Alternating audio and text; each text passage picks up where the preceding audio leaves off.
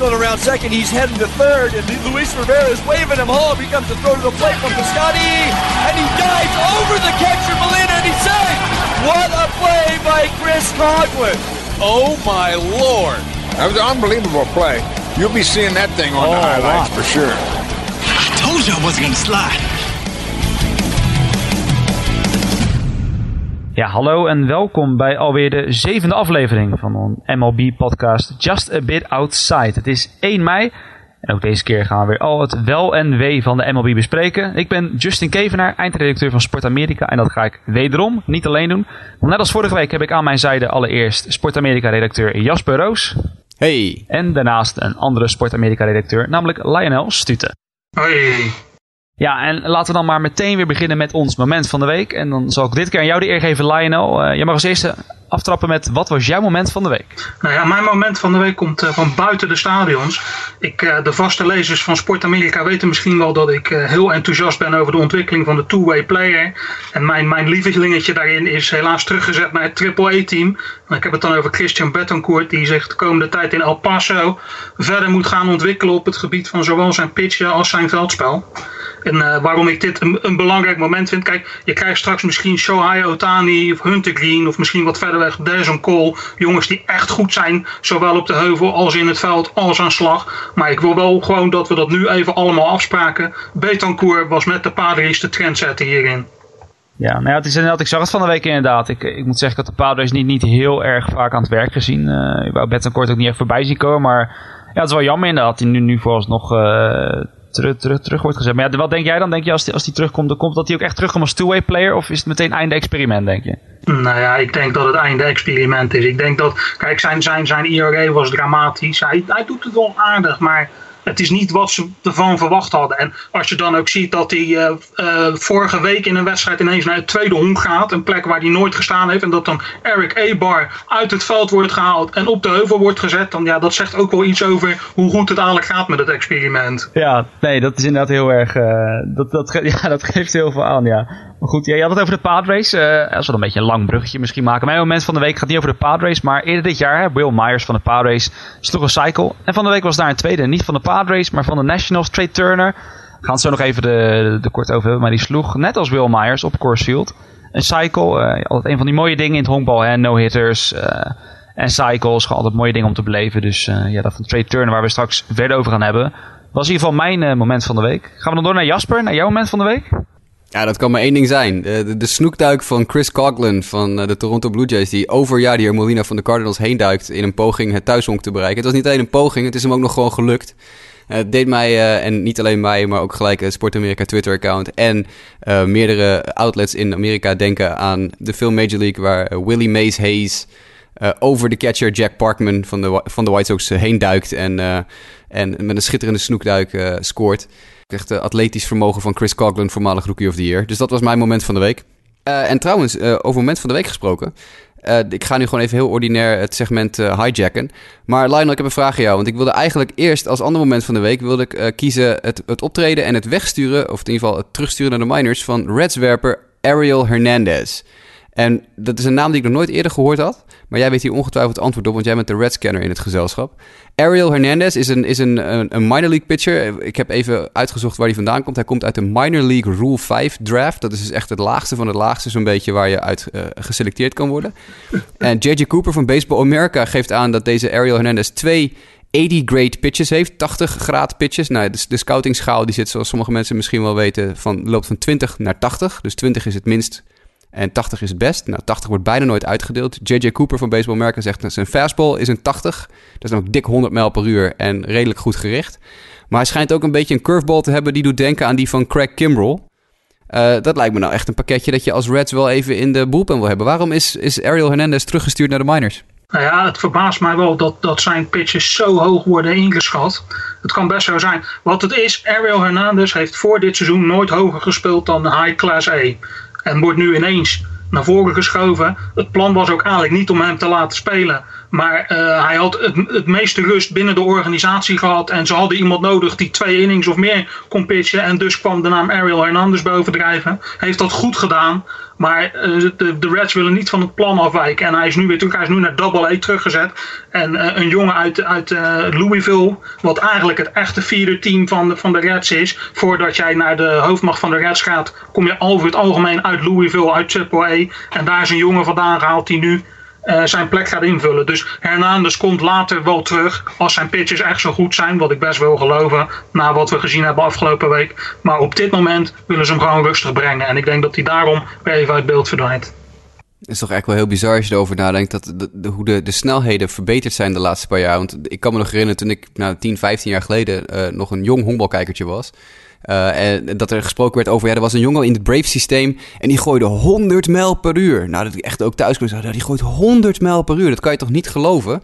En nu is het eigenlijk van, ja, het is wel in de record als je 100 mijl per uur gooit, maar er zijn er wel meer dan één inmiddels. Dus dat is wel weer een opvallende ontwikkeling, denk ik, op het gebied van pitching. Klopt, ja, je ziet het ook met uh, bijvoorbeeld uh, de nummer 1 op de, op de, voor de draft van komende zomer, Hunter Green, waar we het al eerder over gehad ja, hebben. Ja, die gooit ook 100 mijl per uur. Ja, 102 zelfs, zag ik van de week. Ja, ongelooflijk. Ja, die gozer zit in high school, hè? Die is wat 17, 18? Klopt, ja. 17 is die nog. Ja, het staat helemaal nergens op. Hoewel, we hebben dat ook eerder gezien. Hè? Een paar jaar geleden hebben de Marlins uh, Tyler Kolek gedraft uit Texas. Ook een high school uh, werper. En die gooide ook onder 203. En dat heeft hij sinds die gedraft is niet meer gegooid. Want die arm is meteen pats uh, uit elkaar geklapt. Maar dat, dus dat, het, het, is geen garantie voor succes als je 102 mijl per uur gooit in high school. Dat hebben we aan Tyler Kolek wel gezien. Ja, ik had niet verwacht dat we trouwens bij het begin van het moment van de week uiteindelijk terecht zouden komen bij Tyler Kolek. Maar nee, uh, dat, dat, uh, ze zien maar hoe het kan lopen ja, als, je een, uh, als je het hijackt, zoals je zelf mooi zei. En goed, ja, hebben we onze momenten van de week in ieder geval gehad. En dan gaan we nu even kijken naar het nieuws van afgelopen week. MLB News en Notes. Ja, allereerst gaan we terug naar Miami. We hebben het denk ik inmiddels al voor de derde keer over. Hè? De, de Miami Marlins die in de uitverkoop staan.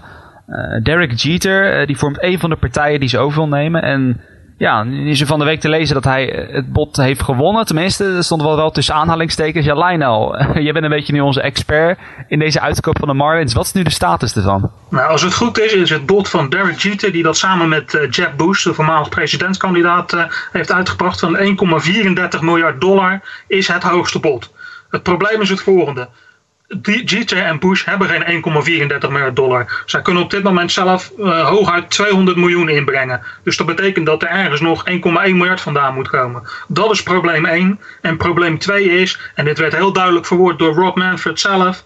Als Jeter en Bush daadwerkelijk de Marlins willen kopen, moeten alle teamowners van de overige teams het ermee eens zijn, moeten MLB het ermee eens zijn. Iedereen moet één geheel vormen en achter dat besluit staan en pas dan is het compleet.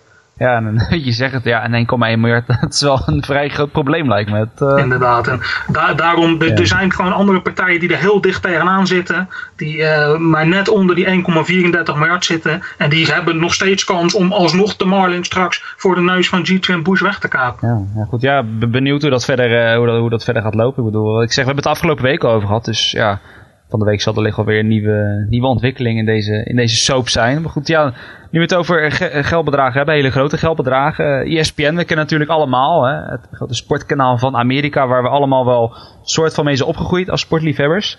Uh, ja, het is niet helemaal honkbal gerelateerd, maar ja, van de week waren daar de nodige bezuinigingen. En ja, voor het eerst waren er ook heel veel mensen die on camera zitten, gewoon presentatoren, journalisten, waaronder heel veel aan de MLB-kant. Uh, die het veld moesten ruimen. Uh, ja, Jasper, misschien kan je wat meer uitleggen wat, wat voor mensen het hier precies gaat die zijn vertrokken. Nou, het is inderdaad, het was een vrij schokkende ronde aan, uh, aan ontslagen. Want uh, het, komt regelmatig voor dat ESPN, het gaat al jaren niet heel supergoed met uh, de worldwide leader in sports. De subscriber aantallen liepen al terug. De cable cutters in Amerika, je gaat natuurlijk steeds meer gaan mensen hun kabelabonnement van de televisie opzeggen.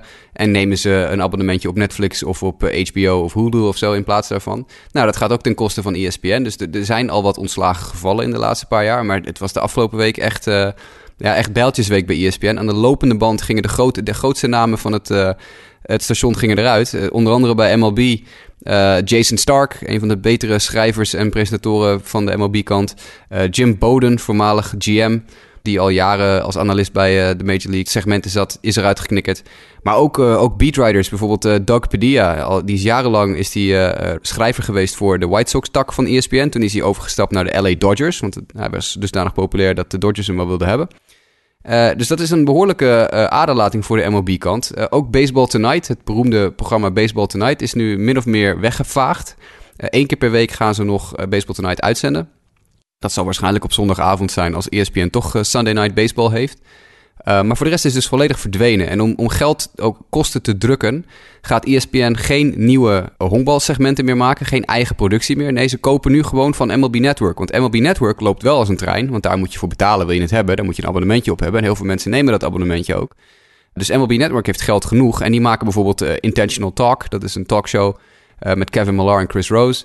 ESPN heeft gezegd, we willen graag de rechten daarvan overnemen. Dus het wordt en op MLB Network uitgezonden, maar vanaf nu ook op uh, eh, ESPN. Want het is voor ESPN gewoon goedkoper uh, om dingen die al geproduceerd zijn over te nemen van andere productiemaatschappijen dan om het zelf te maken.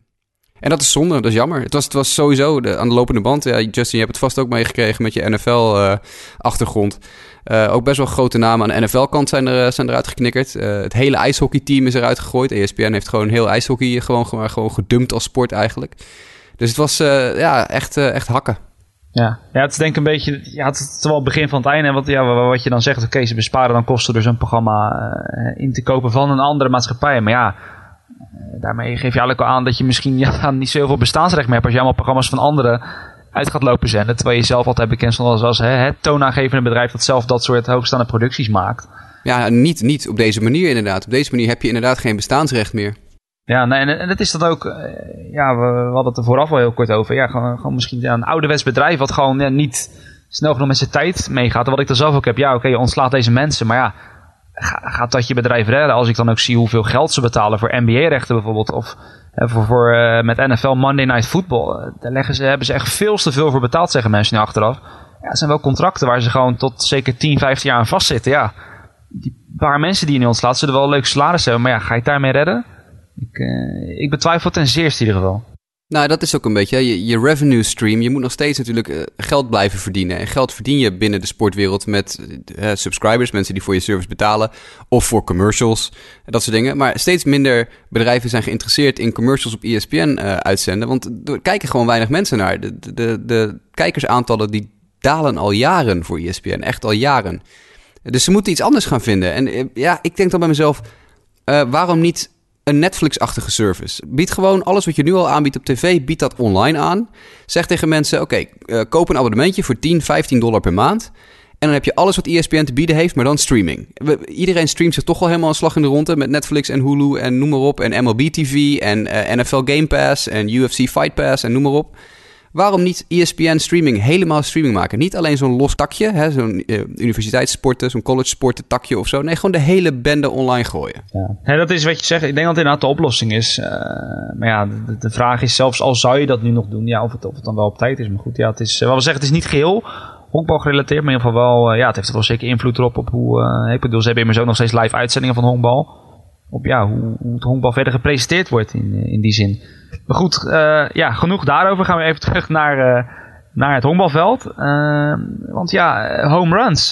Het lijkt ineens weer te komen. Hè? We hebben eigenlijk sinds het einde van het zogeheten steroids tijdperk... is het allemaal wat omlaag gegaan. Hè? Deels weten mensen dat aan. Hè? Het verdwijnen van steroids. Ook enerzijds goede, goede werpers. Maar ja, Lionel die home runs die stijgen weer, hè? Ja, het, eh, eh, het, loopt steeds verder op. In 2015 hadden we het uh, in de maand april over 592 home runs. Vorig jaar hadden we het over 740 home runs. En in 2017 werden in de maand april tot en met gisteren 734 home runs geslagen. Dus in die laatste drie dagen kunnen we ervan uitgaan dat we het record van vorig jaar gaan verbreken. Gisteren werden er 45 home runs, tot 48 home runs werden er geslagen. Waar de meeste sinds 19 augustus 2016, dus dat is ook nog maar een half jaar geleden. Toen werden er 52 geslagen. Het is, uh, het is ongelooflijk. En je vraagt je dan af, waar komt dat door? Nou zijn daar een, een aantal uh, uh, onderzoeken naar gaande. Er worden naar verschillende dingen gekeken. Een, een, een stroming hierin zegt van, dat komt omdat de sport zo stat heavy geworden is. We weten alles, waardoor de bepaalde slagmensen tegenover bepaalde pitches komen te staan op bepaalde momenten, waardoor er meer rake ballen worden geslagen. Een andere stroming zegt, ja, maar het gaat helemaal niet om hoe de spelers werken. Het gaat erom dat, of dat nou komt door El Nino of door global warming, maar het gaat erom dat de weersomstandigheden veranderen en dat dat zijn uitwerking heeft op de lengte van de bal, op uh, de kracht van de, van, van de knuppel, uh, de, de hardheid van de bal, dat soort dingen. Dus waar het precies aan ligt, weet niemand, maar het, uh, er wordt onderzoek naar gedaan. Ja, MLB zei jaren geleden al ook uh, dat ze steeds meer, dat ze hoopten op meer home runs, hè, meer actie. Want je hebt natuurlijk tijd lang gehad dat in die periode kort na die steroid era, dat er totaal geen offense was. Dat we echt per seizoen wel drie of vier no-hitters hadden en, uh, en twee of drie perfect games als je geluk had. En dat is natuurlijk helemaal niet meer zo. Je ziet af en toe nog wel eens een keer een no-hitter, maar het is nu echt offense dat de klok slaat. Ik denk dat dit ook wel heel belangrijk is voor de MLB. Er wordt veel gekeken naar pace of play. Mijn stokpaardje is altijd, het gaat om impact of play. Een wedstrijd kan best drie uur duren, maar er moeten niet te veel stilstaande momenten in zitten. En hoe meer er aanvallend gespeeld wordt, hoe beter dat is voor de sport. En hoe langer wedstrijden ook duren natuurlijk. Als je als team uh, 9 of 10 of 11 man aan slag hebt per inning, ja, dan duurt de wedstrijd wat langer. Dus op zich is het niet erg als de wedstrijd inderdaad wat langer duurt. Alleen het is wel een probleem als iedereen zoiets heeft van jongens, ga nou eens een keer wat doen. En dat is toch wel een beetje het imago dat honkbal heeft bij eh, niet-kenners. Mensen die de sport niet volgen of niet leuk vinden. Je hebt iets van, ja, ze staan allemaal alleen maar stil. Uh, dus ja, daar is wel wat voor te zeggen. Maar inderdaad, hoe meer aanval, en dat zien we steeds meer, hoe langer die wedstrijden ook gaan duren. Ja, maar ja, in dat opzicht wat ik dan... Je hebt het net over een hele lange wedstrijd. Grappig is het, het contrast. Gisteren had je dan wel weer een... Uh, of gisteren, op het moment dat we dit opnemen, is het zaterdag, was toen vrijdag. Red Sox Yankees. Dat was dan weer een wedstrijd die duurde geloof ik maar 2 uur 20 minuten. Dat was de Tanaka tegen versus Sale Battle. Dat was dan weer het complete uiterste. Maar ja, inderdaad, de trend is steeds meer home runs. En ja, dat is maar wat je wil. Uiteindelijk voor de, de meest objectieve fan ja, maakt het de wedstrijden wel leuker. En ja, iemand, we hadden het er vooraf over, die van de week een home run sloeg. En die daarnaast nog veel meer deed. Dat was Trey Turner van de Washington Nationals. Uh, ja, Lijn nog even weer door aan jou. Want ja, oké, hij, hij, sloeg een cycle. Maar ja, er zat wel een leuke band nog tussen met de vorige man die een cycle sloeg. Ja, nou ja, we hadden het er al eerder over natuurlijk. Will Myers deed het een paar weken geleden ook al bij de San Diego, San Diego Padres. En uh, voor wie het uh, misschien vergeten is, Turner en Myers uh, waren beide betrokken bij dezelfde deal. Waardoor de ene in Washington terecht kwam en de andere in San Diego terecht kwam. En nu komt dat dan weer op deze manier komt dat dan weer bij elkaar. Dat zij eenzelfde prestatie kort na elkaar neerzetten. Wat dat dan wel weer heel grappig maakt. Uh, een ander leuk uh, feitje wat ik uh, voorbij zag komen was dat in, in Fenway Park, sinds het is geopend in 1912, 17 cycles zijn geslagen. En op Coors Field, dat geopend is in 1995, nu inmiddels 16 cycles zijn geslagen. Dus dat zegt misschien ook wel iets waarom zij dan precies op dit veld tot deze prestatie komen. Ja, je zou bijna zeggen, als je een cycle wil, moet je bij Colorado gaan spelen. Ja. Precies. Ja, ja precies. Waar, waar zou dat dan aan, aan, kunnen liggen? Bijvoorbeeld dat, dat het in Colorado dan vaker gebeurt dan in Fenway Park? Ik denk dat het met veld, uh, de opbouw van het veld te maken heeft. Je hebt in Boston natuurlijk de Green Monster in het linksveld. Die staat heel dichtbij. Het is een enorme muur. Hij staat heel dichtbij. Dus als je hem daar tegenaan slaat, ga je echt geen triple lopen. Want het, uh, als je een beetje hard slaat, stuit die bal terug naar drie. Dus dan, uh, dan, dat, gaat hem sowieso niet worden. En in Colorado, Coors Field, dat veld is dusdanig opgebouwd. Hele diepe gaps.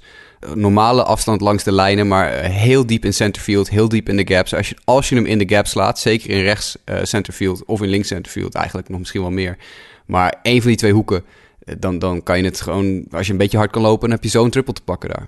Een beetje net als in Houston. Houston heeft ook zo'n stadion. Als je hem precies in de gap slaat, dan in het, in het rechts midveld, dan heb je makkelijk een triple. Ja, en, en het leuke van, uh, omdat Lionel dat net zei, van, hè, dat, dat Myers en Turner dan die trade connectie hebben... Dat las ik dan van de week nog, want ik had er een kort artikeltje aangeweid op Sport Amerika. En dat de derde speler binnen die trade, waren heel veel spelers binnen die trade hoor trouwens, maar een derde speler die dan nu in de, in de major speelt bij de Tampa Bay Rays, Steven Souza.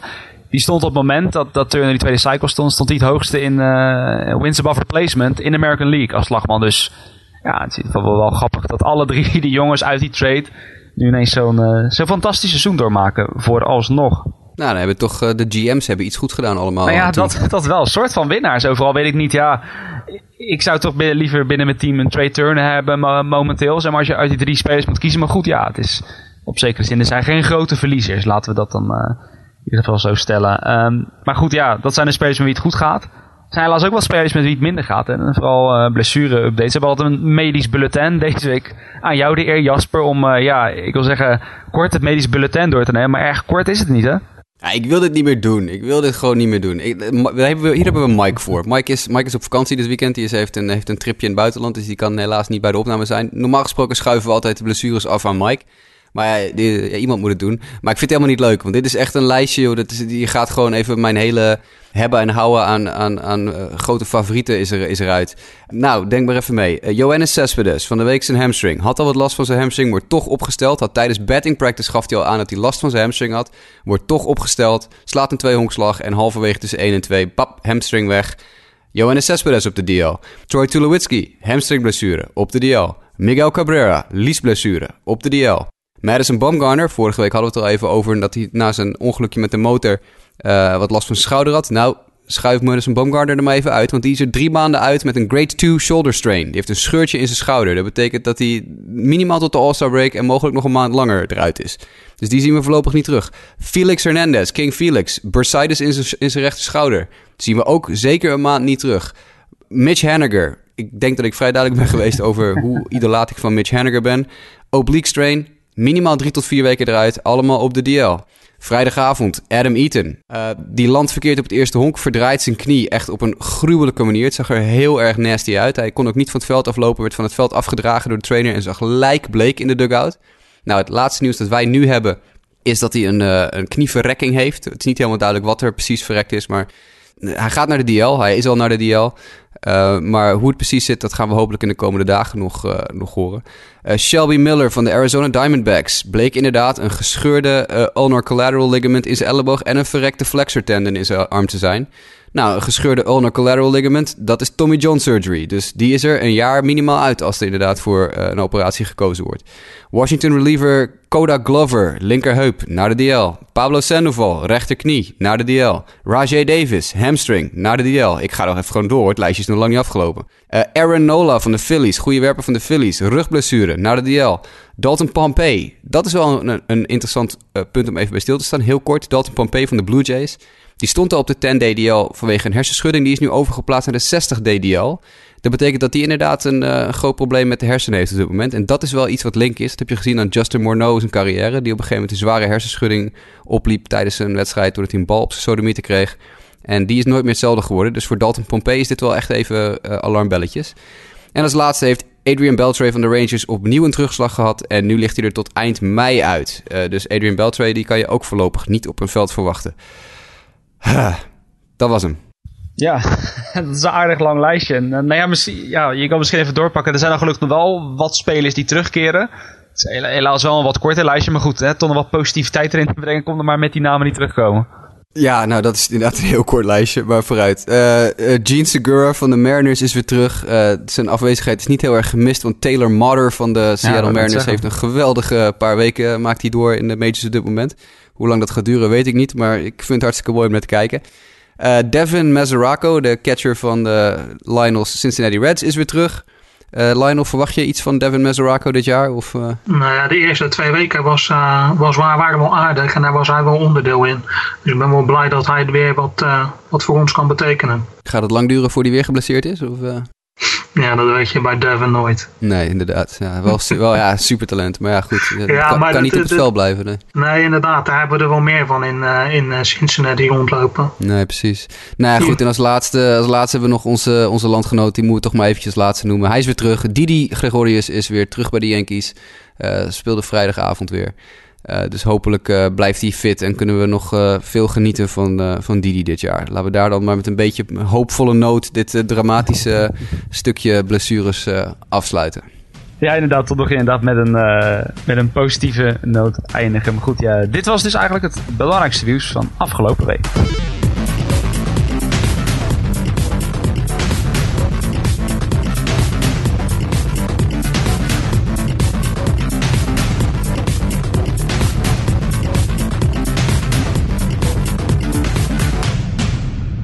Nou goed, ja, we hadden het net erover. Hè. Didi is back. Hij is terug bij de New York Yankees. Kom weer terug in de line-up. En ja, over de line-up gesproken van, uh, van de Yankees. En Jasper, dat ga ik aan jou geven. ja, er is wel iets aparts aan de hand hè, met die line-ups van de Yankees. Ja, er viel ons iets op van de week. We zaten erover na te denken. Je hebt natuurlijk eigenlijk een soort standaard uh, line-up. Iedereen maakte in het verleden altijd... Hè, als je een line-up maakt, je eerste slagman is een typische lead-off slagman. Snelle jongen die honkslagjes slaat en kan stelen eventueel. Uh, je tweede slagman is een goede bathandler. Die kan stoten, want die moet die loper eventueel verder kunnen stoten. Die moet een honkslag kunnen slaan, die moet kunnen hitten en runnen. Je drie-hitter kan van alles wat een beetje. Dat is vaak je, je beste slagman. Heeft een beetje power, kan een beetje uh, gericht slaan, kan stoten, noem maar op. En je vierde man is je clean-up hitter. En dan begin je bij vijf vaak weer opnieuw. Dus dan wordt het weer een iets snellere, iets speedier figuur. En dan bouw je dat weer op. Ongeveer. Het, is, het is geen perfecte wetenschap, maar zo werkt het over het algemeen. En Joe Girardi heeft daar iets nieuws in gevonden. Want die, als je nou naar zijn line-ups van de laatste paar weken kijkt... en dat zijn dus line-ups waar eh, Didi en Gary Sanchez vanwege DL sinds een tijdje niet ingezeten hebben... dan maken de Yankees op dit moment line-ups die eigenlijk 1, 2, 3... dus een typische lead-off slagman en een typische tweede nummer 3... en dan weer 1, 2, 3, 4, 5, 6. Dus als je negen slagmensen hebt, heb je 1, 2, 3, 1, 2, 3, 4, 5, 6. He, met, met de Yankees nu Gardner, lead-off slagman... Hadley, typische tweede slagman... Matt Holiday, typische derde slagman. En dan Jacoby Ellsbury. Maar Jacoby Ellsbury is eigenlijk geen clean-up hitter. Sloeg wel een Grand Slam van de week, maar dat was de eerste uit zijn carrière. Dat is eigenlijk een lead-off hitter, maar die slaat dan vierde. Gevolgd door Starlin Castro, eigenlijk een nummer 2 hitter. Gevolgd door Aaron Judge, eigenlijk een 3 hitter.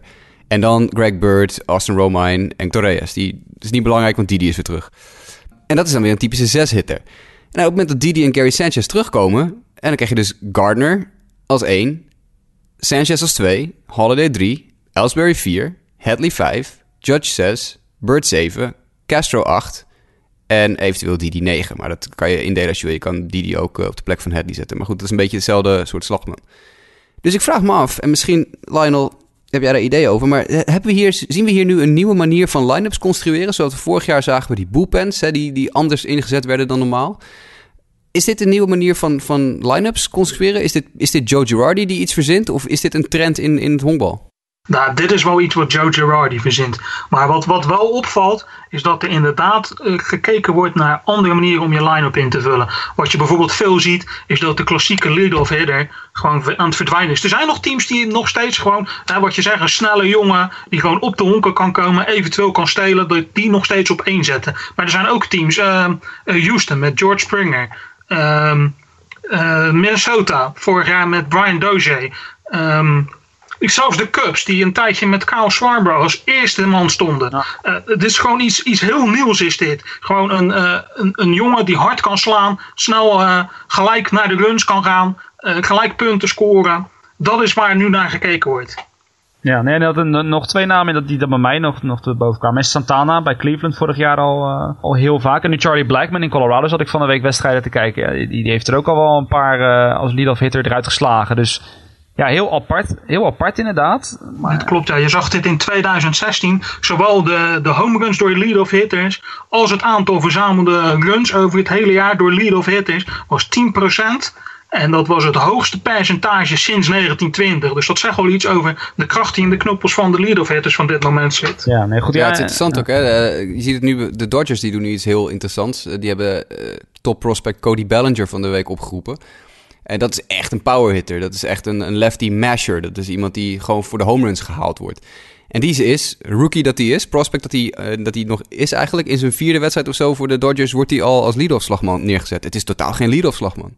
Nee, dit klopt. Maar dit is, dit is wat we steeds meer gaan zien. Dat, wat, wat je, precies wat je net al zei. Vorig jaar hebben we dit al gezien met dat er anders wordt gekeken naar hoe de bullpen wordt ingezet. Dat gaan we nu ook met slagmensen zien. En ik ben van mening dat dit komt doordat we steeds meer inzicht krijgen in hoe het spel eigenlijk werkt. Dingen die we altijd voor waar aannamen, blijken nu met cijfers te ondersteunen te zijn als niet waar. En daardoor wordt er anders gekeken naar hoe het spel gespeeld moet worden. Ja, en dat is en alleen, alleen, maar een goede zaak. Ja, ik bedoel, bij uh, het honkbal wordt vaak vergeten, wat traditioneel, wat ouderwets. Maar je ziet het in bijna elke sport. Hè? Voetbal, basketbal, American voetbal. Ja, alles evolueert zich en er komen nieuwe dingen. En vooral met baseball, waar dan statistieken steeds belangrijker worden. Inderdaad, Lionel, wat je zegt, ja, als er betere manieren op worden verzonnen om dan je line-up te construeren, ja, alleen maar goede zaak voor het honkbal. Nee, dat uh, ben ik absoluut eens. Er, er, was een manager, en ik ben nog steeds even kwijt wie die man, we hadden het hier voor de uitzending ook al over wie dit nou was.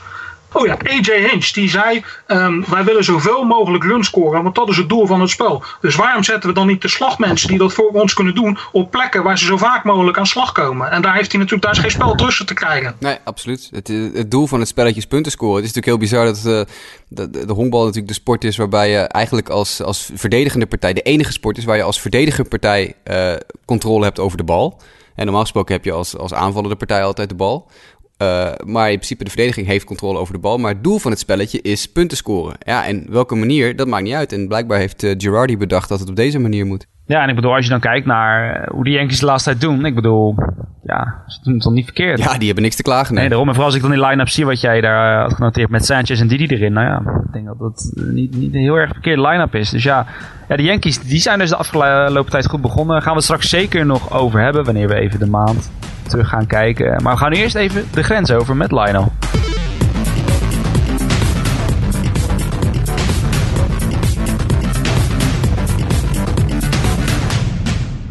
Ja, we gaan inderdaad eh, de grens over, zoals ik al zei. Want eh, ja, eh, Major League Baseball wordt steeds internationaler. Dat zie je in vele opzichten. Maar goed, er waren tot voor kort ook 18 eenlingen, als we het zo mogen noemen. Dus 18 spelers die uit landen kwamen waarvan ze eigenlijk de enige vertegenwoordiger waren. Ik ga even het lijstje af. Een mooi lijstje, ook heel divers lijstje, als ik het zelf zeg. We hebben Vietnam, Zwitserland, Singapore, Saudi-Arabië, de Filipijnen, Letland, Indonesië, Honduras, Guam, Griekenland, Finland, Denemarken, China, Honduras, buurland België, Amerikaans Samoa, Afghanistan en Etsy. Ja, en er zijn er nu twee bijgekomen, want het zijn er geen 18 meer, het zijn er 20. We hebben nu Litouwen, daar hebben we Dovidas Nevarauskas van. En uit Zuid-Afrika hebben we Gift en Weepy. Ja, allebei uitkomend voor de Pittsburgh Pirates van de week. En ja, Lionel, jij mag eh, ja, ons wat meer vertellen over dit fenomeen. Ja, nou ja, eh, laten we vooropstellen, het verhaal van Gift en Weepy vooral is natuurlijk wel heel bijzonder. Dit is een jongen die geboren is in de tijd dat apartheid nog eh, een groot deel van, eh, of eigenlijk alles was in Zuid-Afrika. En als donkere jongen had hij het daar natuurlijk niet makkelijk. Eh, zijn moeder was schoonmaakster bij de plaatselijke honkbalclub. En we hebben het dan over de jaren 90. Hè. Er was geen honkbal in Zuid-Afrika. Er waren misschien een paar clubs en dat was het. En zo leerde hij het spel spelen. Op zijn achttiende uh, vertrok hij naar Italië om deel te nemen aan een uh, European Elite MLB camp.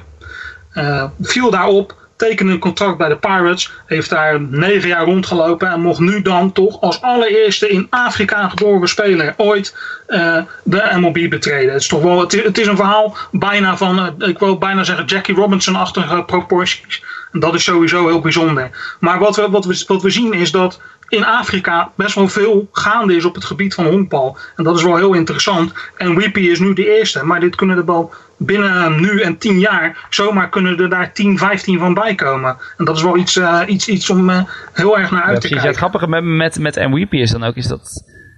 Ik zat dan van de week, hè, want dat is misschien wel belangrijk om even aan te duiden. Ik zag van de week zijn minor league stats. Het is niet zo dat MVP nu naar alle waarschijnlijkheid een blijvertje is, toch? Iemand die, die echt hele grote dingen gaat neerzetten. Nee, dat is dan wel weer een verschil met bijvoorbeeld iemand als Jackie Robinson. Uh, hij is wel baanbrekend, maar hij is geen superster. Hij is de eerste, hij opent de deur. Maar achter hem zitten wel een paar jongens die veel beter zijn. Allereerst wil ik het dan hebben over Dylan Unsworth. Ook een Zuid-Afrikaan. Is op dezelfde manier als NWP in de MLB terechtgekomen. Zit in de organisatie van de Mariners. Is ook via Italië gekomen. Dit is een jongen die wel echt, echt goed kan spelen. Dit is wel iemand die... Uh, waarvan je kan zeggen van die gaat wat worden. Dan is er nog iemand um, in de organisatie van de Brewers. Die heeft een naam van 36 letters, dus die ga ik niet gebruiken. Ik gebruik gewoon zijn roepnaam. Uh, zijn roepnaam is Demi Orimoloya. En deze jongen is uh, in Nigeria, de hoofdstad van Nigeria, geboren in Lagos, maar opgegroeid in Canada. Maar hij heeft aangegeven, mijn grote droom is om ooit met Nigeria op de World Baseball Classic te spelen. Dus dit zijn jongens die Afrika wel groter gaan maken. Ook het broertje van MVP, uh, Victor MVP, ook in de Pirates organisaties, ook een groot talent. Um, dit zijn jongens die al in, in, de, in de minors rondlopen, die echt op korte termijn iets kunnen gaan betekenen. Maar het allergrootste talent, en dat is misschien wel heel grappig, het allergrootste talent van Afrika komt uit Uganda. Dit is een jongen die of 15 of 16 is. Hij wordt dit jaar 16, alleen zijn precieze geboortedatum heb ik niet kunnen achterhalen. Uh, zijn naam is Dickon Okwenyi en uh, hij is uh, het grootste talent van Afrika. En misschien wel grappig om aan te geven hoe de sport in Afrika ervoor staat. Dickon werd geïnterviewd door een grote Amerikaanse krant. Ze vroegen hem, wat vind je van Babe Ruth? Nou, die kende die niet. Derek Jeter, die kende die ook niet. Ichiro Suzuki, die kende die ook niet. Toen vroegen ze, wie is dan je favoriete honkballer? En toen noemde hij zijn Japanse instructeur van zijn team in Oeganda. Dus dit zegt wel iets over hoe de sport hier zich uh, ontwikkelt. Maar Oeganda heeft in de recente jaren twee keer een team naar de Little League World Series gestuurd. En bij de tweede eh, deelname in 2015 versloegen zij in de eerste ronde de leeftijdsgenoten van de Dominicaanse Republiek. Dus dit zegt misschien ook wel iets over wat zij misschien in de toekomst zouden kunnen. Ja. Dat is to- totaal geen land wat ik als honkballand kan, eh, kan kwalificeren. Echt helemaal niet. Ik vond het heel super interessant om te lezen over die NWP. En ja, mochten mensen hem gaan willen googlen, eh, dat schrijf je eh, N-G-O-E-P-E. Dus N groepen. Eh, maar dat spreek je uit als NWP hebben we achterhaald van de week. Dat eh, vertelde hij zelf aan, eh aan Root Sports van Pittsburgh. Ja, inderdaad, die jongen is fascinerend. Hij is heel goed begonnen aan zijn Major League carrière, maar die kwam eens uit het niets voor mij. En dan krijg je dit soort namen als Oeganda erbij, dan gaat voor mij echt... eh, dat wordt allemaal heel wazig hoor. Het is een fascin- fascinerend spul is dat. Ja. Ik, ik kan hier wel een verklaring voor geven. Een, een land als Oeganda, maar ook Zuid-Afrika, zijn cricketlanden. En eh, eh, toch, hoewel het niet helemaal hetzelfde is, zijn er natuurlijk wel veel raakvlakken tussen cricket en eh, honkbal te vinden. En daarom, het, wat misschien wel het grootst, het snelst groeiende honkballand ter wereld is, is een land in Azië. En ik heb het dan over Pakistan. Dit is natuurlijk gewoon een grootmacht op, op cricketgebied. Ze hebben dit jaar, vorig jaar voor het eerst meegedaan aan de kwalificaties voor de World Baseball Classic. En zij kwamen met een roster met eh, 28 voormalig cricketers. En dit is gewoon de, de weg die blijkbaar bewandeld gaat worden. Uit landen waar geen honkbal gespeeld werd, maar wel cricket gespeeld werd, worden nu deze talenten naar voren gehaald. Ja, dan doen we een beetje denken aan dat uh, India's experiment, hè, waar toen ook... Uh, bij de Pirates is dit geweest. Ja, precies, bij, bij de Pirates, maar daar is toen ook nog een film over gemaakt. Uh, heeft wel wat, wat aangedikt, maar inderdaad die toen ook bij de Pirates terecht kwam. Maar ja, het belangrijkste is denk ik wel, want je zegt het net, hè, die jongen uit Uganda, die dan, hè, die kent geen Babe Ruth, die kent geen Derek Jeter. Bedoel, dat zal waarschijnlijk het belangrijkste zijn. Er moet er eentje zijn uh, uit Afrika die gewoon naar Amerika gaat en die gewoon, ja, gewoon een rol van betekenis speelt. Zeg maar dat is niet als een MVP die, oké, hij speelt mee, maar hè, het vult geen cruciale rol. Maar iemand die gewoon echt een ster wordt. Hè, dat dan echt die kinderen in Afrika daarna opkijken. Dat zal waarschijnlijk de volgende stap moeten worden dan. Ja, ook, ook voor landen als, als Litouwen natuurlijk. Want we hebben het nu heel erg over ja. MVP in Afrika. Terecht ook, het is fascinerend om te zien wat daar gebeurt. Maar die Dovidas Neverauskas, die dus van de week voor Pittsburgh zijn debuut maakt... Uh, wie weet trekt dat het uh, honkbal ook wat meer uh, nog verder het Oostblok in. Dat, het ja, wat je ziet natuurlijk bij Neverauskas, die is net als een MVP en Unsworth uit een Europees trainingcamp, een elite trainingcamp van MLB boven komen drijven. En daar komt echt in Europa wel echt heel veel uit vandaan nu. Als je alleen al kijkt naar het Nederlands ja. team, uh, Kalian Sams, Tom Stuifbergen, Tom de Blok, Dwayne Camp, allemaal jongens die afgelopen uh, maart nog in het Nederlands team uh, op de World Baseball Classic waren. Maar ook andere namen als Alex Liddy, um, Donald Lutz, en, uh, Max Kepler. Allemaal jongens die via deze weg naar boven zijn gekomen. En er zitten er ook nog heel veel achter.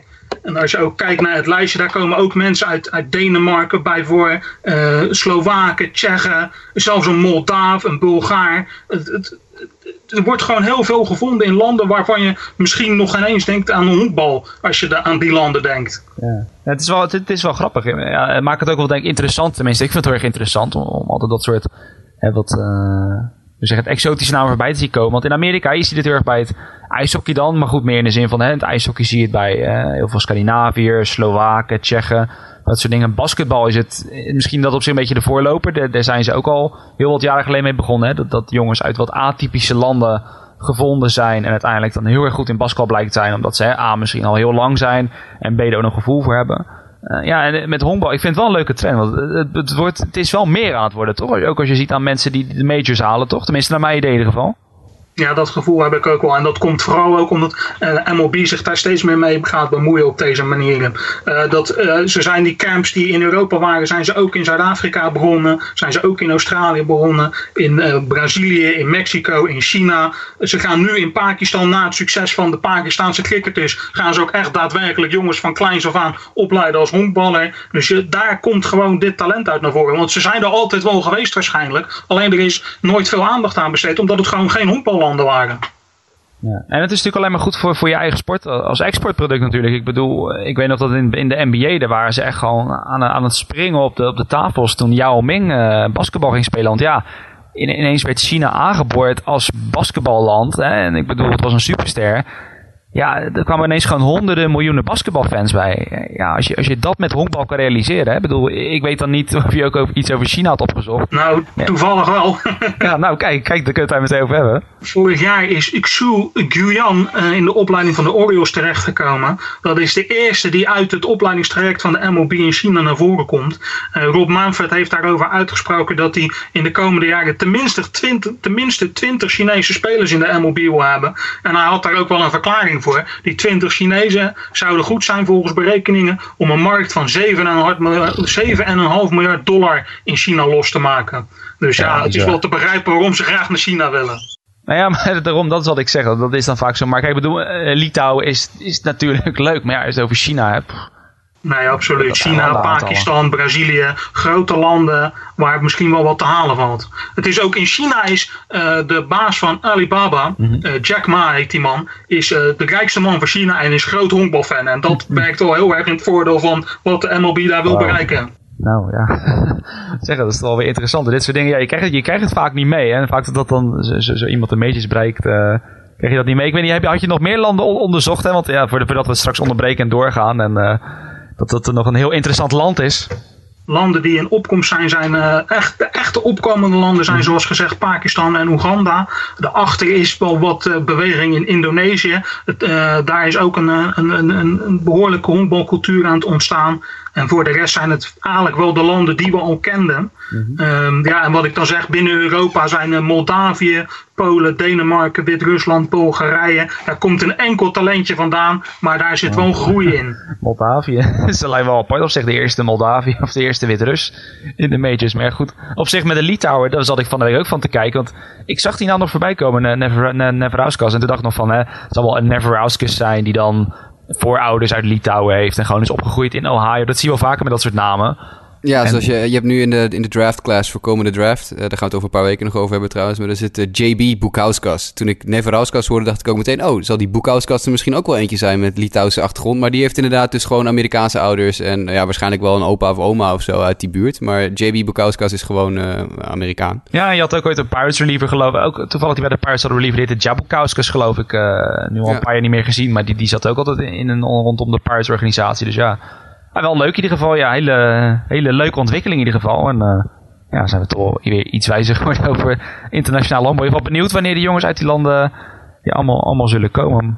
Nou ja, de eerstvolgende waar je op moet letten in mijn ogen is Dylan Unsworth. Die speelt nu in, uh, in Double A, in de Texas League, maar dat kan niet lang meer duren. Het is een pitcher, het is uh, iemand die echt wat kan. Nou, kijk, Dylan Unsworth. Onthoud de naam, zou ik zeggen. Maar goed, tot dusver, ja, het, het, het segment over de grens. Ik weet niet, ja, zullen elke week hoeven denk niet te doen. Maar het is denk ik wel leuk om het in de gaten te houden. Wie weet wat er komend jaar nog allemaal komen gaat. En dan kunnen we denk ik zeker uh, er even op terugkomen. Maar goed, ja, we zeiden het eerder al hierin. We gaan even kijken naar de, ja, de, Yankees. Hè, al wat over deden het heel goed. Gaan we even kijken naar welke andere ploegen er allemaal opvielen in de afgelopen maand.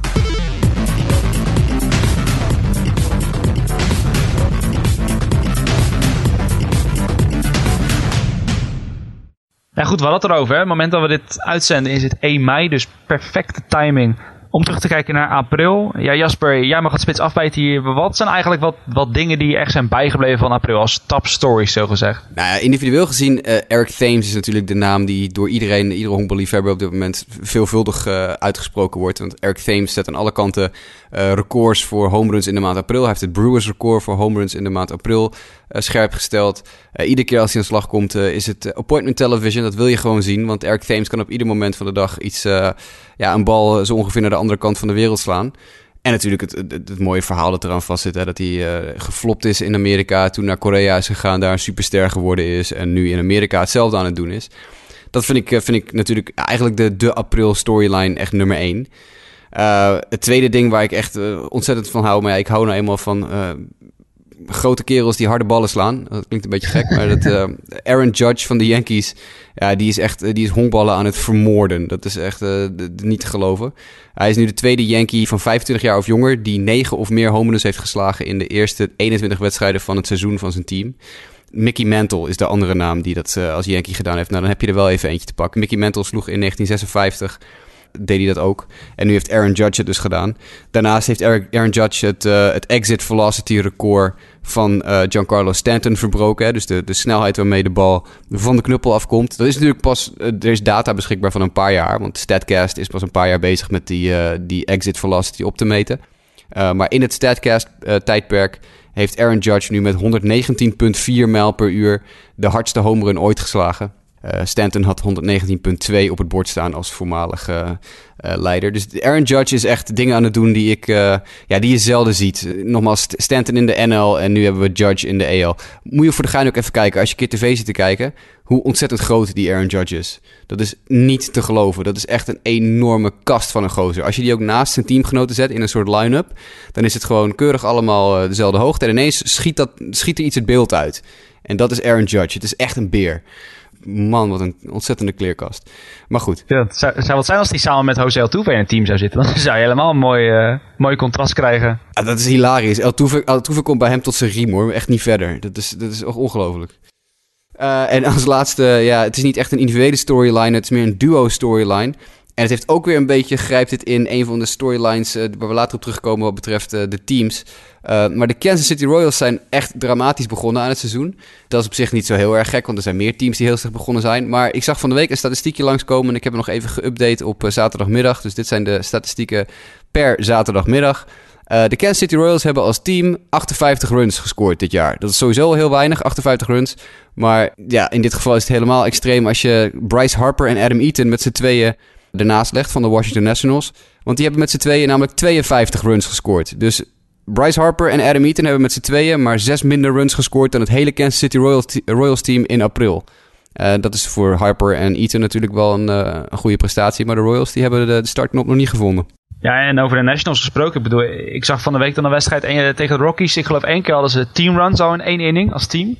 En daarvoor hadden ze ook een wedstrijd dat ze ook 16 runs scoorden in, in en tegen Colorado. Dus ook daarmee zaten ze al bijna aan de productie van de Royals. Dat is wel, wel bizar. Er zijn Nationals inderdaad wel, uh, misschien overdreven voorbeeld, maar ja, wel, wel jammer dat natuurlijk dan Ethan wegvalt. Maar goed, ja, verder heel, heel goed team. Ja, Lionel, geef ik hem door aan jou. Het ging hier meer over individueel. Maar qua teams, wat, zijn dan voor jou de topstories die, die je overhoudt aan april?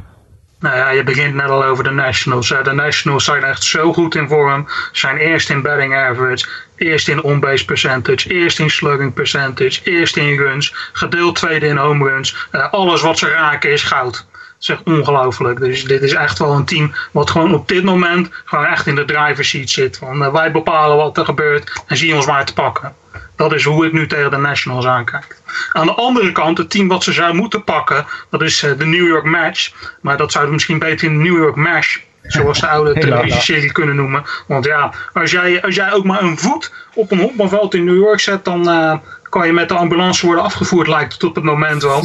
dus uh, er blijft niet veel over van New York uh, op in dat opzicht. En dat maakt het voor de Nationals ook wel ietsje makkelijker.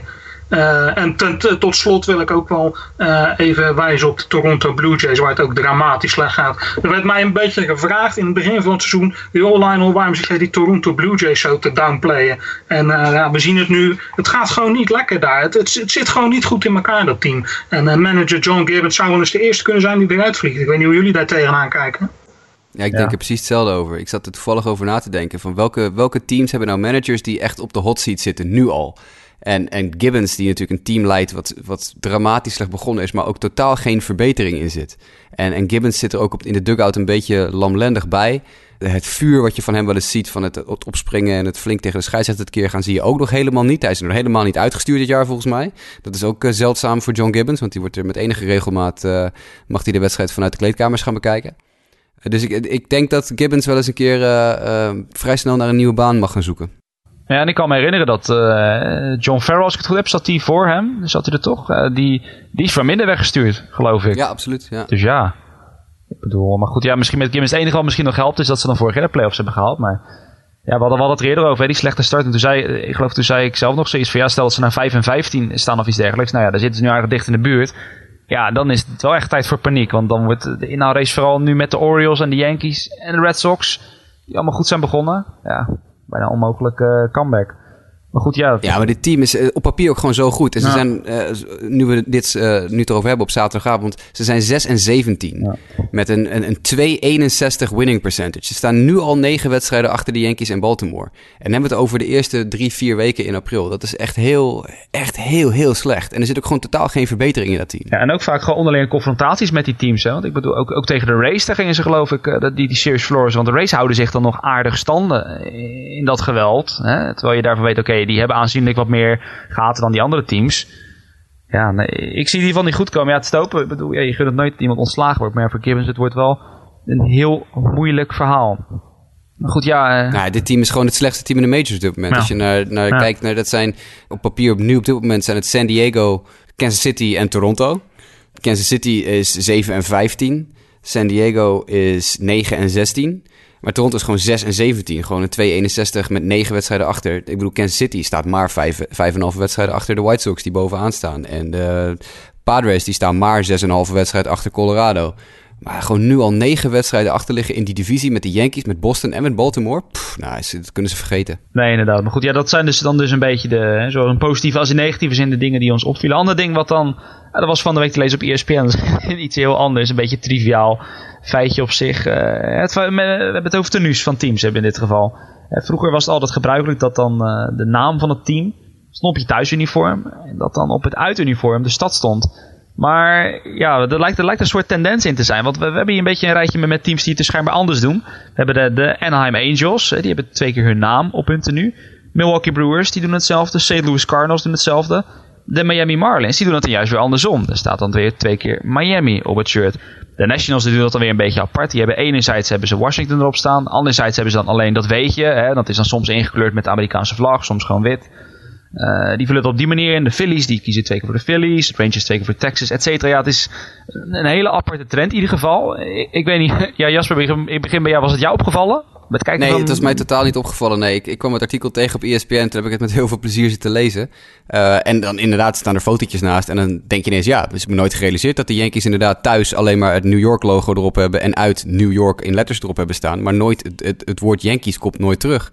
Hetzelfde geldt voor de Tigers, die het, eh, het Detroit-logo, die D, die oude Engelse D, op hun thuistenu hebben. En Detroit op hun uittenu hebben staan. Maar de naam, die, de naam Tigers komt niet meer terug op de shirts van Detroit. Nou ja, die teams, zeker de Tigers, die zie ik echt eh, een keer of 10, 12, 14 per jaar. Het is me nog nooit opgevallen.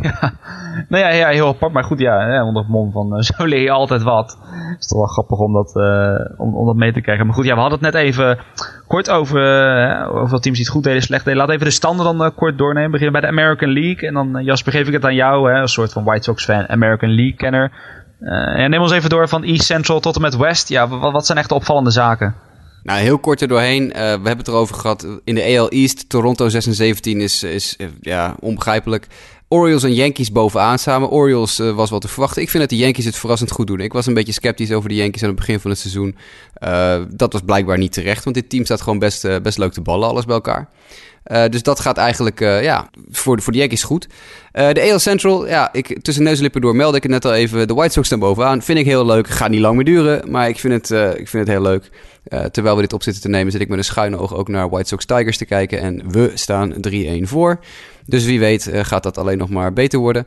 Eh, en de Royals, ja, die 7 en 15 zijn, dat is natuurlijk, vind ik verrassend. Want die zijn, eh, denk ik, beter dan ze hebben laten zien. Maar ja, je moet runs scoren, wil je wedstrijden winnen. We hadden het in het begin van de uitzending al over. En de Royals scoren geen runs. En de AL West is, ja, die verloopt precies zoals we hadden verwacht eigenlijk, min of meer. Eh, met Houston bovenaan. Alleen wat wel verrassend is in die divisie, vind ik de Anaheim Angels. Die, die tweede staan. Eh, dat had ik niet verwacht. Dat vind ik eh, niet zo'n heel goed team. Ik had verwacht dat Seattle het veel beter zou doen. Ik had verwacht dat Texas, dat gewoon stijf onderaan staat, het veel beter zou doen. Maar de Angels staan tweede achter de Houston Astros. Die eh, wel ruimschoots aan de leiding gaan in die divisie. Aan Texas kan je goed zien hoe dicht eh honkbal bij elkaar kan liggen. Texas won vorig jaar heel veel eh, 50-50 wedstrijden met één run verschil. Of dat ze in de laatste achtste of negende inning nog terug wisten te komen en net er voorbij wisten te steken ten opzichte van de tegenstander. En nu lukt dat ze gewoon niet. En dan stort het gelijk als het ware in één en sta je onderaan in de divisie. Ja, als je kijkt ook naar hun laatste tien wedstrijden in de divisie. Hè, de bovenste twee teams hebben dan zes gewonnen, vier verloren in de laatste tien. En Seattle, Oakland en Texas zijn 5 en 5. Dus het, het, ligt allemaal heel dicht bij elkaar. Het is niet zoals bijvoorbeeld de Kansas City Royals... die uh, één wedstrijd gewonnen hebben uit hun laatste tien duels. Nee, dus deze divisie ligt wat dat betreft inderdaad... precies wat je zegt, het dubbeltje moet even de andere kant opvallen... en er staat een heel andere stand in deze, in deze divisie. Ja, nee, precies. Ja, het enige wat ik dan nog zelf uh, heb met de Yankees had je het over. Ik geloof, ik weet niet of ik, ik weet niet of Lionel dat ook was. Ik, geloof, ik had geloof ik de Yankees als tweede in die, in die divisie. Ik had wel enigszins vertrouwen erin. En ja, ik moet zeggen, het is ook niet gestolen. Hè. Ze spelen echt oprecht leuk. Ja. Ik lag laatst die comeback tegen de Orioles. Ja, dat, was echt fenomenaal. Ja, prachtig, ze stonden, geloof ik, negen runs stonden ze achter uh, op dat moment. En, en ze kwamen gewoon nog terug. Ja, dat, dat was echt fenomenaal. En dat, ik vind dat zijn altijd van die wins. Dat, dat onderscheidt al een beetje hè, de, de, de contenders van de pretenders. Als je dat soort wedstrijden nog uh, eruit kan slepen.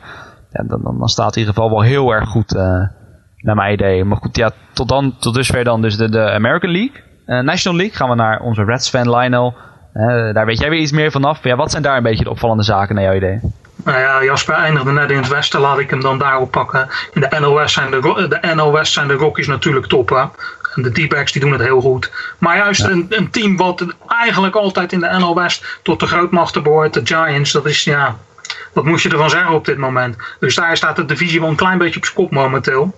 In de NL Central is dat dan toch wel weer wat anders. Daar zijn de Cubs zijn niet zo goed als verleden jaar tot op heden. Maar staan wel gewoon, ja, gewoon waar ze horen te staan. En uh, ja. het team dat daar vooral opvalt is natuurlijk de Brewers. Hè. Offensief zijn die gewoon heel sterk bezig. Nou en in de NL kan het op dit moment natuurlijk wel het NL over eigenlijk maar over één team gaan. En dan hebben we het natuurlijk over de Nationals. Die zijn gewoon echt in supervorm. En zeker als je ziet dat de, de Mets door uh, alles wat er om, om de club heen gebeurt het zo slecht doen. Dan, uh, daar maakt, dat maakt voor de Nets maakt het natuurlijk ook iets, uh, iets makkelijker. En daar in die divisie zien we dan ook Philadelphia als verrassing. Dus uh, dat maakt het dan nog wel enigszins leuk. nou ja, die National League East, als je inderdaad kijkt hoe dat nu begint, dan ja, lijkt het wel misschien de meest saaie divisie van, van de hele MLB te worden. Want ja, Washington begint heel goed en momenteel de rest van die teams die zullen misschien wat sputten hebben, maar lijken momenteel geen contenders te zijn. En ja, verder, ja, die NL West of wat, ik vind dat zelf persoonlijk tot nu toe de leukste divisie eigenlijk. Want zowel de Rockies als de Diamondbacks ja, lijken zo wat dit echt wel aardig vol te kunnen houden. Ik moet zeggen, Diamondbacks heb ik iets meer vertrouwen in dan de Rockies op dit moment. Uh, maar ja, weet je, de Dodgers staan er toch nog een paar wedstrijdjes achter. Giants beginnen heel slecht. Dat is toch wel eigenlijk misschien de divisie die het meest anders verloopt dan we hadden verwacht. In dat opzicht vind ik dat wel, uh, ja, ik, ik in ieder geval heel erg opvallend, die NL West. Nee, absoluut. Dat uh, ben ik zeker met je eens. Wat ik zeg, de divisie staat op dit moment. We zijn natuurlijk pas één maand bezig, maar toch, de divisie staat gewoon op zijn kop op dit moment. Ja. Alleen de Padres, hè? En ik vind in de NL Central uh, vind ik het interessant. Dat, uh, dat de, de Cubs natuurlijk weliswaar bovenaan staan, maar wel gewoon met een heel matig record natuurlijk. Ik bedoel, dat die, Hele kleine verschillen. Ja, en die staan gewoon niet, echt gewoon niet goed te honkballen. Chris Bryant is, die is nog een beetje koud. Die gaat wel warm draaien binnenkort hoor. Maar Kyle Schwarber is hartstikke koud. Ik bedoel, je bent 12 en 10 als, uh, als regerend uh, World Series kampioen. Uh, ja, ik wil niet veel zeggen, maar dan is er nog een ander team in Chicago dat het beter doet op dit moment als je die twee gaat vergelijken. Jongens, ik profiteer van het moment dat ik het nog kan zeggen, hè? dat begrijp je. Dat, Ja, nou ja, van mij, wat mij betreft mag je doorgaan, want we, we wilden dan ook nog even de, hè, de, top performers individueel ook, hè, qua slaggemiddelde, dus ERA's en dergelijke doornemen. Mag jij wat mij betreft die van de American League doornemen, hè, qua slagmannen en werpers? En ik heb het idee dat je dan toch weer met een White Sox beginnen. Ja, maar dat is niet mijn schuld, want dat is nou helemaal zo. Uh, uh, Avi Garcia, Aviso Garcia van de White Sox, de rechtsvelder van de White Sox, is echt scorching hard begonnen aan dit seizoen. En die is dan ook uh, op dit moment de beste slagman in de American League. Slaat 3,88 na een maand honkbal. heeft daarbij vijf homeruns aangetekend en daar zaten een paar bommen bij. Afgelopen vrijdag tegen de Tigers, dat was echt 456 feet hoor. Dat was echt een, was geen, geen kleintje. Dus die uh, voert op dit moment de American League aan in hitting. Gevolgd door uh, New York Yankees Starlin Castro. Die 3,61 slaat. Ook met 5 homens. Staat ook hartstikke goed te ballen. Uh, en dan denk je, ja, waar blijven de echte grote namen? En daar is hij dan op plek 3. Mike Trout slaat op dit moment 3,55 met 7 home runs. enige wat we bij Trout even in de gaten moeten houden... is dat hij al 22 strikeouts heeft. En daarmee is hij uit mijn hoofd derde uh, op de lijst van strikeouts. Dus hij krijgt wel een beetje veel meer strikeouts dan normaal gesproken. Maar misschien staat hij ook een beetje hard te swingen dit seizoen. Ik heb nog niet heel veel van Trout gezien dit jaar. Maar ja, goed. Ik bedoel, intussen staat hij ook gewoon derde op de lijst. Dus dat is niet een al te groot probleem, denk ik. Nee, precies. En dan, nou, als we maar meteen doorgaan naar de, naar de werpers. Er staat er geen White Sox, bij, White Sox speler bij, vermoed ik. Wel eentje met een verleden, maar... Ja, nee, de, de, het is te bizar voor woorden. Want uh, Irvin Santana van de Minnesota Twins is op dit moment de beste werper in de American League. Nou, dat, daar kan ik niet bij. Ik heb er heel veel Irvin Santana gezien, zowel bij de Twins als bij de Angels. en uh, ja, goed. Hij gaat hartstikke goed door. 0,77 ERA, 0,66 whip. hij krijgt helemaal niks tegen. Maar ik, ja, we kennen Irvin Santana. Dat gaat natuurlijk niet heel lang meer duren. Als, als alles weer normaliseert, dan krijgt hij wel weer wat ballen om zijn oren. Uh, Chris Sale, de, daar doelde je op uh, de naam uh, met de geschiedenis bij de White Sox, die nu voor de Boston Red Sox speelt. Die staat er keurig voor, die staat tweede. Met, ja, dit is een bizar statje ook weer. 52 strikeouts in 37,2 innings. Dat is echt een ongelofelijke hoeveelheid strikeouts. Dus, daar kan je gewoon niet bij. als die zo doorgaat, dan gaat hij de American League in, in strikeouts aanvoeren. En misschien zelfs wel de majors, want in dit tempo is, is hij niet meer bij te houden, denk ik. En nummer drie op de American League pitchinglijst is Dallas Keuchel. Uh, goede vriend Dallas Keuchel van de Houston Astros. Die uh, niet zoveel strikeouts gooit, maar wel keurig uh, 1,22 ERA heeft. En dus op plek 3 staat als het op de pitchers aankomt in de maand april. Ja, ja maar Keuchel ook wel leuk. Ik bedoel, de Astros vorig jaar wat minder jaar. Nu weer wat beter jaar. En dat, dan zie je dat dat in grote mate toch ook wel... Hè, de, de prestaties van Keuchel daaraan bijdragen. In ieder geval leuk om te zien dat hij weer ja, op zekere hoogte terug is op zijn Young niveau. Um, en goed, dan anderzijds, hè, de National League. Beginnen we weer met de slagmannen. Beginnen we bij jou, Lionel. Uh, wie, zijn, wie zijn daarin eigenlijk de drie toppers van de maand? Nou ja, uh, het is natuurlijk uh, Washington wat daar de klok slaat. En dat zien we ook in de, de slagmannen zien we dat terug. Hè. Bryce Harper is gewoon uh, in topvorm. een man die een, average van 405 bij elkaar slaat momenteel. 8 home runs, 25 RBI's, 28 runs. Het is, ja, deze, man is echt de man die, die Washington naar grote hoogte stuurt. Maar het, het, voordeel is dat hij achter hem heeft die Ryan Zimmerman. Die staat niet per se achter hem, maar in, in dit lijstje staat hij achter hem. En die die doet het eigenlijk niet heel erg veel slechter. Met ook 24 RBI's en 18 runs in de wedstrijden die ze tot nu toe gespeeld hebben. En uh, de derde man daar is Justin Turner van de, van de Dodgers. Die al 10 doubles heeft geslagen. Dat vond ik wel een opvallend uh, statistiekje. En dit zijn geen home runs. Nog geen home runs. Geen home runs? Helemaal geen home runs? Helemaal geen home runs. Nou, dat was waar even ontgaan. Maar wel 10 doubles. Wel opvallend. Ja.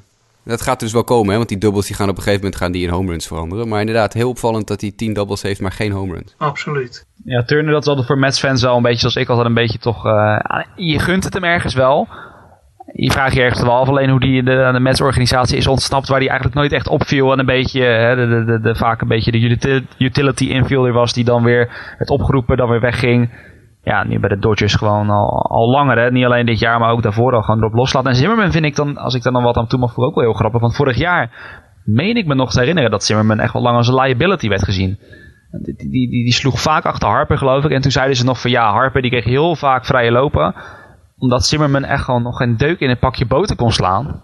En altijd geblesseerd ook. Ja, nou ja dat, dat dan ook. Dat hielp dan allicht ook niet bij zijn, nee. bij zijn prestaties. Geldt misschien ook voor Harper, als we nu achteraf erop terugkijken. we komen er straks nog even op terug op Harper, want daar is een mailback-vraag over. Dus die hou nog even vast. Maar uh, ja, dat, dat kan dan ook zeker daaraan bijdragen. Um, ja, wat betreft werpers dan nog, hè, om dat, dat, nog even dan tot slot te doen. Lionel, wie waren daar in de drie sterren van de maand in de National League? Ja, toch wel wat opvallende namen, tenminste wat mij betreft opvallende namen.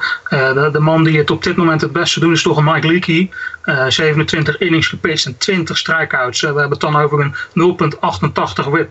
De man is echt heel goed bezig. Eh, ook iemand die goed bezig is is Gio Gonzalez. En tot slot is ook Noah Syndergaard heel sterk bezig met 30 strikeouts in 26 innings. En een 1,73 ERA. Dat zijn de, de drie mannen die hier echt uh, de, de lijsten aanvoeren in de, wat betreft uh, pitching.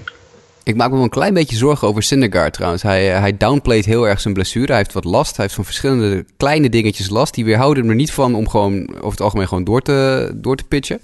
Hij zegt zelf in de media, er is niks aan de hand, ik voel me prima. Er is, ik voel, hij heeft last van zijn arm, geloof ik, van zijn, zijn voorarm. Hij zegt, nee, ik voel in mijn elleboog en in mijn arm dat, het, dat er niks geks aan de hand is. Dus er is, het gaat allemaal wel goed. Maar ja, zodra werpers, zeker werpers met zo'n zo'n gewelddadige beweging als Syndergaard... en die zo hard gooien als Syndergaard... dan ik kan me bijna niet voorstellen dat die kleine blessuretjes niet op een gegeven moment iets groter worden. Dus ik, ben, ik maak me een beetje ongerust. Oh, ja, ik nu helemaal. Het is wel heel eng verhaal, vooral voor Mets-fans. Ik bedoel, er is al zoveel uh, ja, tra tragedie. Dan ga je net nog Syndergaard een, een zware blessure aan praten. Ja, maar ik, moet, ik deel de zorgen wel. Ik bedoel, het zou bijna perfect in het seizoen tot dusver passen... dat Syndergaard straks ineens... Uh, op de DL verdwijnen. Maar goed, laten we, ik, ik, ik kan me zelfs voorstellen dat zelfs de objectieve honkballiefhebber gewoon uit op de heuvel wil zien. En, uh, Ja, tuurlijk, tuurlijk. Dat lijkt me wel zeker in deze vorm. En zeker met dat haar. Precies, dat, dat, dat al helemaal inderdaad. Dat al helemaal inderdaad. Eh. maar goed, ja, we hadden het net even eh, kort over Bryce Harper. En eh, ja, laten we even naar de mailbag gaan, want daarin hadden we een vraagje over diezelfde Bryce Harper. Just a bit outside. Mailbag. Ja, we hadden dus een mailbackvraag. Uh, weer eentje deze week. Hè. Stel, je hebt vragen, stel ze vooral via ons mailadres justabitpodcast.gmail.com En uh, via alle kanalen die ik zo nog even netjes op een rijtje zal noemen. Kan je al vragen insturen. Uh, Bas Dries had het deze week gedaan. Dank je Bas voor je vraag via de e-mail.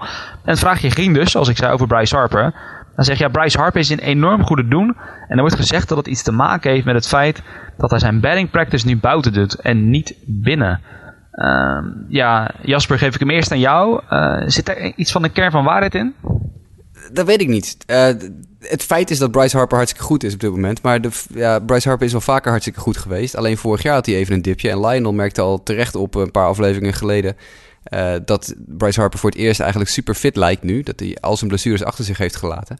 Ik denk dat het daar iets, uh, iets meer mee te maken heeft. Uh, Bas vroeg natuurlijk, ja, is, is batting practice zo belangrijk voor spelers? is het meer dan warming-up alleen? Toevallig, Mike heeft toch een bijdrage weten te leveren, ondanks dat hij niet mee kon praten vandaag. Mike vond een, een, stukje, een interview met Joe Girardi van de week, waarin Girardi iets, iets zegt over batting practice en het nut van batting practice. This is really for fundamentals and to get loose. So you, you want them to get their bunts down, and um, they like to have a little fun with it. Sometimes they play a little hockey with the bunt going out there. And you're also watching the infielders too to make sure they're getting their ground balls, they're getting their work, they're getting their throws for double plays and everything. But it's a way to get loose and, and, and practice a little bit. Ja, daar heeft uh, Girardi denk ik wel een punt. En als je uh, iets verder in het interview luistert, dan geeft hij ook aan wat nou precies eigenlijk uh, wat er zich afspeelt tijdens zo'n batting practice voor een speler. Wat, wat haalt een speler er nou uit en wat haalt een trainingsstaf er nou uit? I think their approach is, is serious. You know, they know what they want to do. They're going to take five rounds and they know what they want to do each round, but they're going to have fun. In the last round, that's when they really get it going and they start laughing at each other and, and, and playing some games, which I also think is important because, yes, it's work and it's fundamentals, but you got to have some fun with it. Ja, als ik daar dan nog wat op mag zeggen. Ergens heeft uh, Joe zegt hier natuurlijk wel iets wat, waar wel wat in zit. Als je vergelijkt wat batting practice voor honkballers is in vergelijking tot uh, andere sporten. Dus ik noem tennissers die even warm staan te slaan naar elkaar vijf minuutjes en dan gaan spelen. Of voetballers die een rondootje doen. In batting practice ben je natuurlijk als slagman. Je bent wel op zoek naar die bunt. En je bent op zoek naar die home run. Om even dat goede gevoel te krijgen. Dus je, je, je, je presteert wel meer al zoals je ook in-game zou presteren. En ik denk dat dat wel een verschil is van batting practice ten opzichte van andere sporten waar een warming-up wordt gedaan. Ja, ja, goed Bas, ik hoop dat dat in ieder geval enigszins antwoord geeft op je vraag. En nou, mocht je volgende week weer een vraag hebben, het geldt voor iedereen natuurlijk. Stuur hem vooral in. Bas deed via de mail justabitpodcast.gmail.com. Daar kan je je vragen naartoe sturen en dan uh, kunnen die eventueel volgende week gaan behandelen. Ja, dat was de show voor vandaag. Uh, ja, voordat we even iedereen gaan bedanken en al onze kanalen gaan doorgeven waarop we te volgen zijn. Ja, nog even dan kort vooruitblik op volgende week. Waar kijken we naar uit? Uh, Jasper, begin bij jou. Waar kijken we naar uit volgende week? Ja, er zijn twee, twee series voor mij die wel interessant zijn uh, als je het hebt over interessante teams die tegen elkaar spelen. Aan de ene kant spelen de Rockies en de Diamondbacks uh, volgende week tegen elkaar. Dat zijn natuurlijk de, de teams die de NL West op dit moment aanvoeren. En dat maakt het natuurlijk wel, ja, wel wat interessanter. Want dat zijn toch twee teams die moeten gaan uitmaken op dit moment wie er bovenaan staat in die, in die divisie. En dan is er nog een andere serie waar ik met een schuin oog naar ga kijken. En dat zijn uh, Yankees Cubs in Wrigley Field. Uh, begint vrijdag. Uh, dat zijn toch twee teams die ja, je toch eigenlijk altijd in de playoffs verwacht. Dus wie weet hebben we daar een kleine playoff preview. Yankees Cubs kan een potentiële World Series worden als je op dit moment kijkt naar de stand. Ja, nou, sowieso dat is wel een van de, hè, denk de beste interleague matchups die, die je kan hebben. En als ik dan meteen aan mijn ding mag meegeven, want je had het net over, Diamondbacks tegen de Rockies. Andere die ik dan, hè, want ik zei net, NL West vind ik super intrigerend. De Giants Dodgers, kan je denken, hè, weer die Giants Dodgers, dat is een series die je zo vaak ziet. Maar ik vind het vooral nu heel interessant, want de Giants, die, ja, die moeten zo langzamerhand wel echt gaan winnen. Die staan er gewoon niet goed voor. En ja, de Dodgers spelen een beetje 500 baseball. Ik denk dat die wel omhoog gaan, maar ja, als ze willen, kunnen ze de Dodgers nou echt gewoon hè, even naar beneden drukken, nog verder in die kelder van de divisie. En ook meteen de jacht inzetten op hè, de Diamondbacks enerzijds, anderzijds de Rockies. Dus ja, dat worden gewoon. Je kan zo zeggen, in die divisie volgende week. Ja, kijk, het blijft denk ik gewoon heel erg interessant wat daar gebeurt. Maar volgende week weten we in ieder geval weer iets meer. En dat, ja, dat maakt het wel een series die ik in ieder geval heel erg ga volgen. Lionel, heb jij tot slot nog iets waar je heel erg naar vooruit kijkt komende week? Nou ja, jij haalt natuurlijk zelf net een, een, echte rivalry aan, hè Justin. Met uh, Dodgers tegen de Giants. En uh, voor mij staat deze week in het teken van mijn rivalry. En dat is Pirates versus de Reds.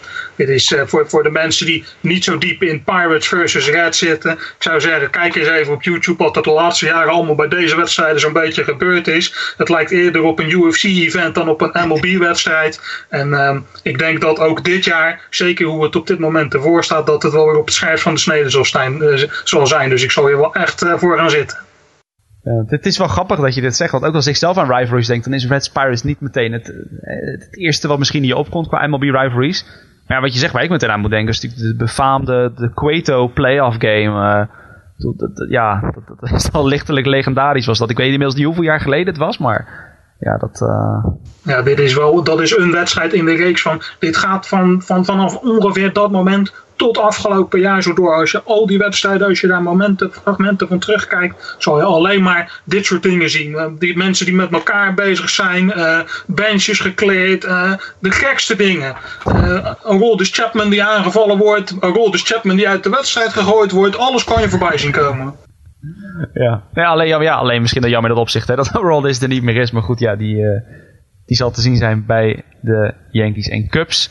Uh, ja, dat was het dan. Hè. We gaan er naar uitkijken. Volgende week hebben we allicht wat, wat leuke dingen over dit soort uh, dingen vertellen. Lionel, Jasper, jullie allebei heel erg bedankt.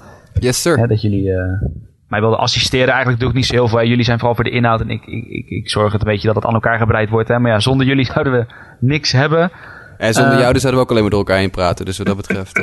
Ja, iedereen, iedereen heeft zo zijn rol. Iedereen heeft zo zijn rol. ja goed, we hadden het over interactie met de show. Ik noem het nog één keer. justabitpodcast.gmail.com is het adres waar je al je mailbackvragen sowieso heen kan sturen. Uh, verder zijn we allemaal, hebben allemaal onze eigen Twitter-handles. Daar kan je ons vrij makkelijk op vinden. Via Sportamerika Twitter kan je ons vinden.